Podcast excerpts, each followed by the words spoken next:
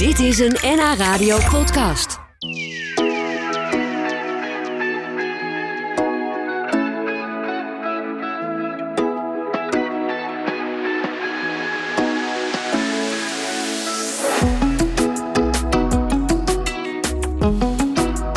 Een van die Tesselaars die, eh, die hier langs is gekomen om het verhaal te doen, die is, dat is eh, Hans Bakker. Die zit hier tegenover mij in het Glazen Paleis. Geboren en getogen op Tessel, toch Hans? Ja, helemaal. helemaal. Ja? En hoe lang geleden is dat dat jij hier geboren nou, werd? volgende maand 84 jaar. Zo. Ja, dat schiet al lekker op, hè? Ik, ik zag het er niet aan af, oh. serieus. Maar uh, dat is al een hele tijd, Ik ben net nog van voor de oorlog, 39. Ja, dus je, jij kent het eiland van lang geleden. Uiteraard. Ja, en, je, en je bent een echte Tesselaar. Ja. Uh, je zegt dan niet Texelaar opeens, toch? Want dat hoor ik wel eens mensen... Wij zijn Tesselaars. Ja. Ja, ja, en alleen mensen van buiten zeggen dan Texel. Ja, Texel. Soms. Ja, ja. Maar Texel maar vroeger schreef het ook met twee S'en, geloof ik. Dus dat is, oh. ja, ja. ja. Oh, nee. Dus het is gewoon echt Texel.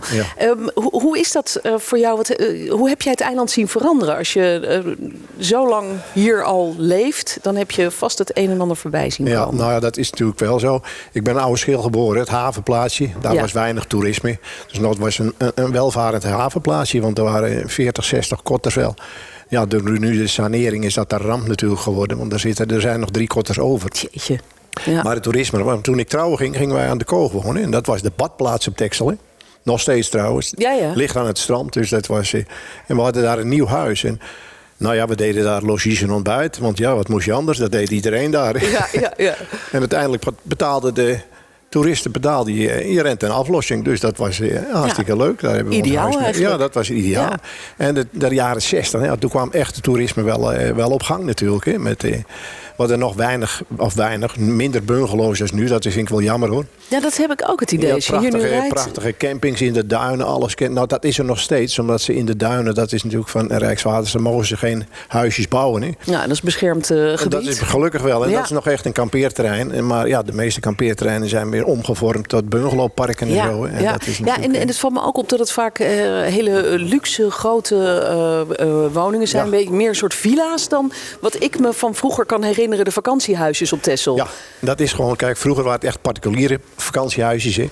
Nu zijn het grote bedrijven en toestanden die, die dat, gewoon zo'n of zo'n kampeerterrein opkopen. Ja. En die er nieuwe eh, mooie riante bungalows neerzetten. En Ja. dat is gewoon business. Het is gewoon business natuurlijk. Ja. Ja, en maak je daar wel eens zorgen over dat je denkt, nou, het is wel een beetje heel druk aan het worden? Nou, we hebben natuurlijk wel een stop van, van, van 40.000 eh, toeristen plaatsen op Texel. Dus dat is wel een goede zaak. Dat is nu mogen ze ook niet meer eh, bungalows bouwen, zeg maar. Er meer bij bouwen. Wel, je mag ze nog wel vergroten, zeg maar. Want dat is ook natuurlijk een norm. Aha. Vroeger had je die kleine huisjes. Maar ja, de norm is natuurlijk wel een mooie badkamer. En een paar Ja. echte slaapkamers en zo. Sauna dat, erbij, eh, erbij. Dat mag allemaal nog wel. Maar, Ja. eh, Er komt misschien ook een ander soort toeristen. Zie, ik heb het idee vroeger misschien iets meer de, de vogelaars en de natuurliefhebbers kwamen. En nu meer mensen die, In eh, het begin wel. die gewoon ja, een luxe natuurlijk. vakantie ja, willen. ja, ja, ja. Als je, eh, als je natuurlijk veel jaren eerder weer terug gaat, was Texel echt een vogeleiland. Hè? Ja. Jacques P. Thijssen en zo, die waren hier ook natuurlijk. En dat waren mensen die ja, echt de natuur op een, eh, in een hoog vaandel hadden. Hè? En daar was hier van alles te beleven. Nog steeds hoor. Ja, Als je zeker. de Slufte, de Mui nou. en eh, de Schorre komt. Dus zijn ook prachtige natuurgebieden hoor. Dus we hebben niks te klagen daarover. Nee, nee, dus, hoor. Nee, dus jij bent ook niet van, van dat je denkt van nou, het, is, het moet maar eens klaar zijn met die toeristen nu. Het is gewoon... Ah ja, kijk, ik ben 84, voor mij hoeft het ons allemaal niet meer natuurlijk. Maar ik begrijp wel dat er mensen daar de brood mee verdienen. Dat ja, is een goede 80% zaak. van de Tesselaars, natuurlijk, net als jullie vroeger dus ook. Ja, ja, dus dat mag, ja. maar, maar die big business, dat is misschien een beetje Ja, dat, much. is, eh, ja, dat staat de meeste Tesla's wel niet aan hoor. Nee, maar, eh, dat snap ik. Nou, Hans, fijn dat je even bij ons langskwam in het Glazen Paleis met, met jouw verhaal. En eh, nou ja, we zien natuurlijk de komende jaren wel hoe dat zich verder gaat, gaat ontwikkelen. Maar dank je wel in elk geval voor jouw verhaal. Graag gedaan. We zitten op het mooie Tessel vandaag en de zon die komt door. En dat is heel fijn, want we zitten in het Glazen Paleis. En daar was het tot nu toe best wel een beetje fris, maar nu warmt het heerlijk snel op. En we krijgen allemaal mensen van Tessel hier op de koffie met koekjes. Dat vinden we heel gezellig. We hebben ook een paar gasten uitgenodigd om, om te praten over dat toerisme. Om te beginnen is dat Kees Boon van de stichting Kernwaarden Tessel. Welkom. Fijn dat je er bent. Natuurlijk, goedemiddag. Ja, met de kop in de zon, lekker even. Ja, toch? Iwan Groothuis is ook hier van vakantiepark en camping De Krim. Ik denk bij veel mensen wel bekend, maar vertel even waar jullie ongeveer zitten. In eh, het noorden van Texel, in de Koksdorp. We zijn inmiddels eh, eh, iets meer dan 50 jaar daar gevestigd. Ook al een tijd. Ja. Ja. En eh, de laatste jaren hebben we wel een beetje groei doorgemaakt. Dus je zou kunnen zeggen dat we van eh Koksdorper bedrijf inmiddels een Tessels bedrijf zijn geworden. We hebben negen locaties verspreid over het eiland. Zo, Ja. dus jullie zitten overal op het eiland. En, en kennen jullie elkaar dan eigenlijk ook? Omdat jullie al zo lang hier zitten en jij bent van, eh, van die Stichting Kernwaarde. Komen jullie elkaar vaak tegen? We zien elkaar wel eens vaker, maar we hebben nog niet eerder handjes geschud. En dat hebben we nu net voor de eerste keer gedaan. Dus Dat gaat, meen je niet. gaat Wat vast een, vaker voorkomen. een Spreekt, eh, historisch u, eh, moment. U speelt een goede verbindende rol hier op Texel. Dat is eh, positief. Ja, en, en als het gaat over dat toerisme, zou je dan zeggen dat jullie een beetje aan dezelfde kant staan? Een beetje dezelfde positie innemen of toch niet helemaal? Eh, in zoverre denk ik wel dat wij als eh organisatie de Stichting Kernwaarde onderschrijven. Dus eh, Dat is mooi om te horen, toch? Ja, dat is heel prettig om te horen. Maar je maakte net zelf het onderscheid tussen ondernemers en, en andere Tesla's. En ik denk dat dat verschil eigenlijk niet nodig is als het gaat om toerisme. Ja. Want zowel de ondernemers als de Tesla's die hebben allebei belang bij een goed Tessel en goede toeristen. Ja, ja, en een goede Zonder- balans. En een goede balans. Ja, ik denk dat Ja. dat een heel, heel belangrijk woord is. ja. En we hoorden net ook, het 80% van de Tesla's verdient op de een of andere manier aan het toerisme. Heeft misschien een bed and breakfast of heeft een camping of, of op een andere manier. Dus het is natuurlijk ook niet echt een tegenstelling tussen ondernemers en eilanders. Want er zijn heel veel eilanders die ondernemer zijn in het Precies, toerisme. ja. Laten we dat even voor opstellen, inderdaad. Maar goed, er komen dus jaarlijks 1 miljoen toeristen naar Texel. Ik, ik vond dat best wel heel erg veel. Is, hebben jullie zelf het idee dat dat ook enorm is toegenomen? Wat, wat denk jij, Kees? Is dat nou, iets? dat is, dat is natuurlijk wel toegenomen, maar dat is een beetje ten opzichte waarvan je het vergelijkt. Eh, ten opzichte van, nou pakweg 1975, en dan praten we al over een flinke tijd geleden, is het natuurlijk enorm toegenomen. Ja. En, eh, dus Toen was niet- de krim nog een klein krimmetje. toen was eh, 75, was de krimmer nog een heel klein krimmetje. Ja. Zeker weten. Ja. Ja, ja. en Dus, dat, eh, bijna noodcamping. Ja. Oh ja, ja, Ja. begon het zo? Ja. Ja. Op zich ook wel weer wel grappig om te zien dat zoiets dan zo, zo'n vlucht kan nemen. Absoluut, Eh, ja. Maar 1 miljoen toeristen, dat, ik, ik was toch wel verbaasd. Want er wonen hier 13.000 mensen. Dat zijn dus natuurlijk ook mensen die dus verdienen mede aan de toerisme. Maar ik kan me ook wel eens voorstellen dat, dat, dat zowel de ondernemers als de, de bewoners denken... eh, wanneer is het genoeg? Dat is de goede vraag en het antwoord daarop is nog niet zo makkelijk. Nee. Eh, daarop is geprobeerd in eh, inderdaad letterlijk dat jaar 1975 een antwoord op te vinden door te zeggen van met 45.000 slaapplaatsen is Texel eigenlijk wel vol. Dat is toen bepaald. Dat is toen bepaald, dat maximum. En dat heeft al door de jaren heen steeds als maximum gegolden voor het toeristisch beleid, wat er al dan niet in ont- verdere ontwikkeling was. En dat geldt ook vandaag nog. Nog altijd. Dat geldt nog altijd. Ja, ja. En, eh, ja, de kunst is natuurlijk om de goede manier van tellen te hebben om tot die 45.000 te komen. En goed te beslissen wat je gaat doen zodra je op die 45.000 zit. Ja. Want wat tel je wel en wat tel je niet mee? Ja, want ik hoorde net al even van collega Laura, die was het vorige uur hier. Die zei ja, hè, bijvoorbeeld Airbnb is natuurlijk een nieuw modern verschijnsel. Dat wordt vaak niet meegeteld. Maar ook mensen die met een bootje komen. Dat zijn er ook nog wel wat, denk ik. Is daar enig zicht op eigenlijk? Hoeveel? Nou, er is wel wat zicht op, maar het wordt niet geteld. En dat is een beetje vreemd natuurlijk, want aan de ene kant wordt er wel toeristenbelasting gegeven. En aan de andere kant tel je de slaapplaatsen niet mee. Dat is een beetje, dat wringt met elkaar. ja, ja, ja en dat kan me logies met, ontbijt, logies met ontbijt, tegenwoordig eh, Airbnb, al dan niet met R. ja, het is dat zijn moderne woorden voor logies met ontbijt. Ja, ja. en dat heeft inderdaad een enorme vlucht mee, eh, genomen. Ja, want dat zijn natuurlijk vaak ook particulieren die gewoon hun eigen woonhuis eh, ter beschikking stellen en verhuren aan, aan toeristen. Daar is ook vaak wat minder toezicht op. Dat is natuurlijk een probleem wat op meer plekken speelt.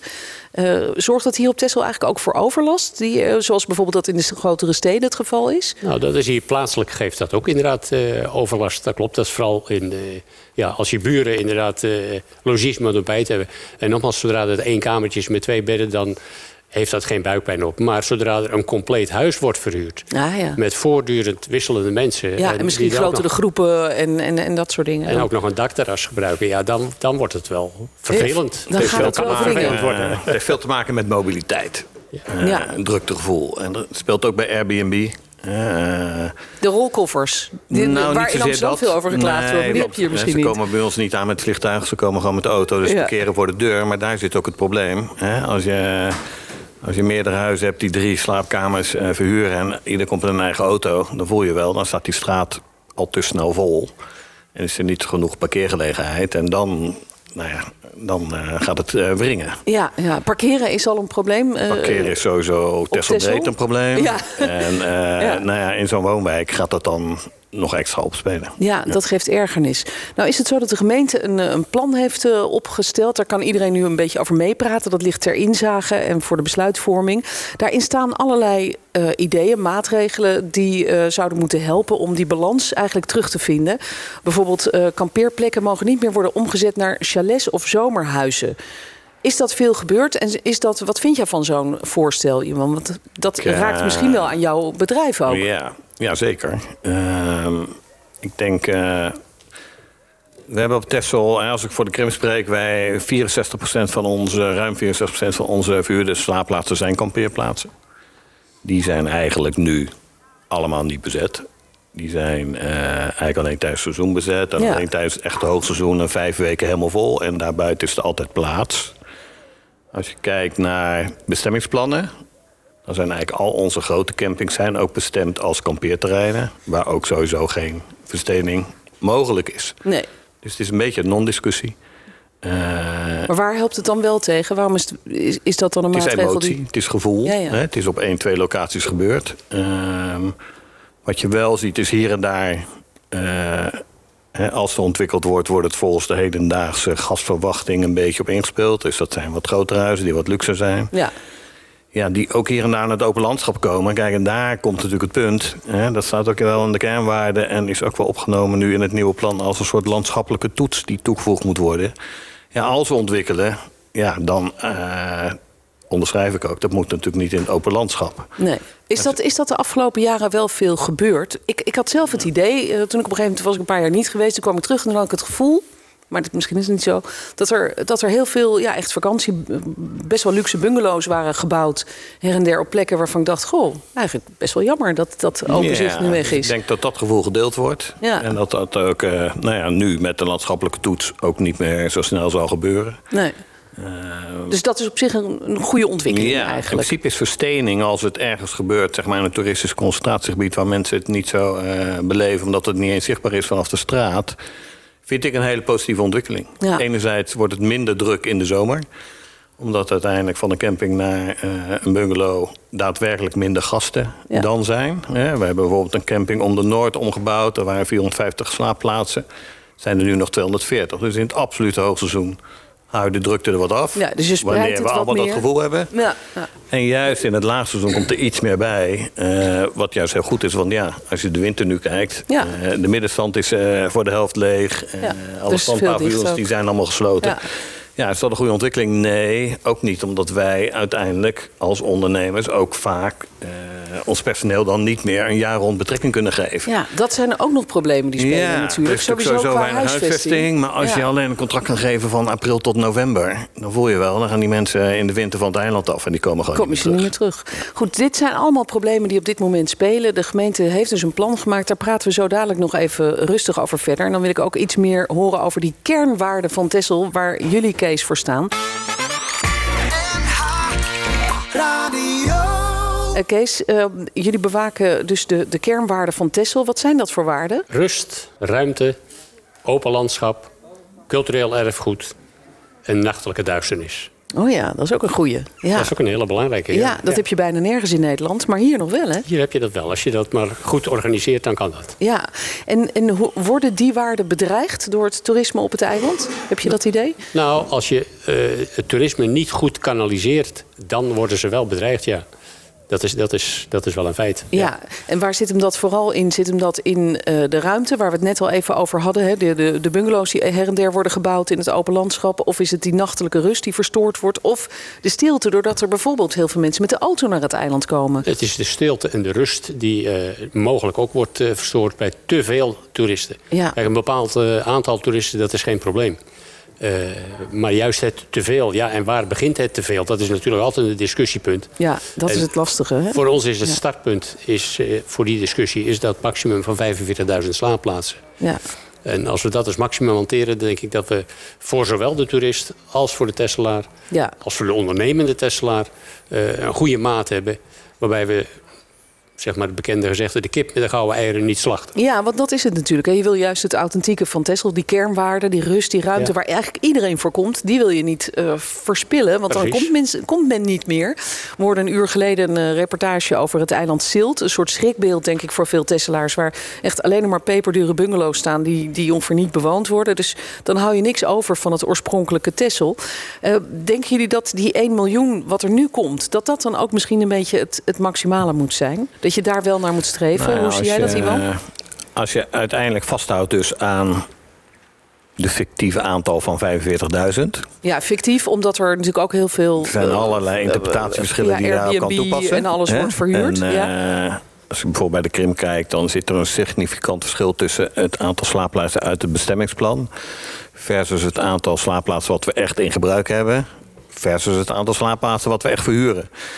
Dat scheelt eh, meerdere duizenden slaapplaatsen. Dus als we nou eerst eens goed in beeld brengen waar we het nou eigenlijk over hebben, eh, dan kan je misschien ook beter beleid maken. Ja, wat is jouw schatting eigenlijk? Even zo uit het bloot. Of, of heb je dat misschien wel eens zitten berekenen? Van, nou, als je op Airbnb kijkt wat er allemaal te huur is... dan moeten er zoveel meer toeristen zijn dan de gemeente nu denkt? Eh, nou, in elk geval wordt het nu in de tellingen niet meegenomen. Dus het is heel Ja. zinvol dat daar nu eh, nader op ingezoomd wordt. Ehm, maar eigenlijk moeten we nader inzoomen op alle sectoren. Want Ja. er zijn heel veel eh, verschillende interpretaties mogelijk. Ja, jij had het net ook al even over vervoer. Zorg dat er niet iedereen in hetzelfde tijd met de auto allemaal naar het eiland komt. Want het laatste wat je wil is denk ik in de file staan op Texel. Toch? Dat is ook een beetje denk ik een van de kernwaarden. Dat je hier gewoon niet je- in de file staat. Dat moet je zeker niet willen.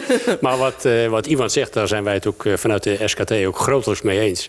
Je moet heel goed afspreken op welke manier je nou gaat tellen. Ja. Wat is nou de juiste manier van tellen om nou ja, het vast te stellen of je al dan niet boven die 45.000 zit. En Ja. is dat eigenlijk nu de kern van waar het over gaat bij dat plan van de gemeente? Dat daar eerst gewoon eens goed naar gekeken moet worden? Dat je een... Nou, Kijk, dat is niet ik- het enige. Ik, Nee. ik denk dat het op zich. eh, we onderschrijven denk ik allemaal wel dat we een beetje het druktegevoel bereikt hebben. Ja. Omdat het heel diffuus is en heel interpretabel en subjectief hoe die slaapplaatsen zijn opgebouwd. Eh, hè, neem maar de Krim, we hebben 500 bungalows van zes personen mee, bijna allemaal. Die worden geteld als vijf. En de gemiddelde bezetting is 4,2. Ja, wat ga je kiezen? Ja. Eh, daarvan zeggen we nu vijf. Nou, dat kan. Ehm, dus het, het, het zit er meer in dat we het gevoel moeten delen. En dat doen we denk ik allemaal wel. Het plafond is ongeveer bereikt. ja, want jij wilt niet nog een vakantiepark ergens openen. Want ja, de, de sky is the limit lijkt het wel, toch? De, nou ja, een vakantiepark ergens openen. Dat gaat niet meer. Dat zit niet. Er zijn wel eh, bepaalde locaties die nu nog bepaalde rechten hebben. Niet zozeer bij de Krim, maar wel op het eiland. eh, om bepaalde omzettingen te doen.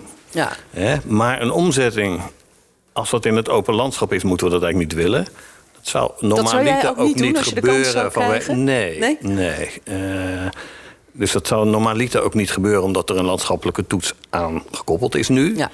Is het ergens in een toeristisch concentratiegebied of bijvoorbeeld bij een vakantiepark een keer midden op ons park, waar Ja. hè, gewoon een hele andere omgevingskader is, dan is mijn stelling nog steeds: verstening is goed. Oké, goed. Nou, Kees, de- de- ik kan me voorstellen dat jij daar anders over denkt. Maar daar moeten we dan op een ander moment even over verder praten. Eh, jij bent met eh, de, de Stichting Kernwaarde Tessel in elk geval voor het behoud van de, de, de rust en de stilte op het eiland.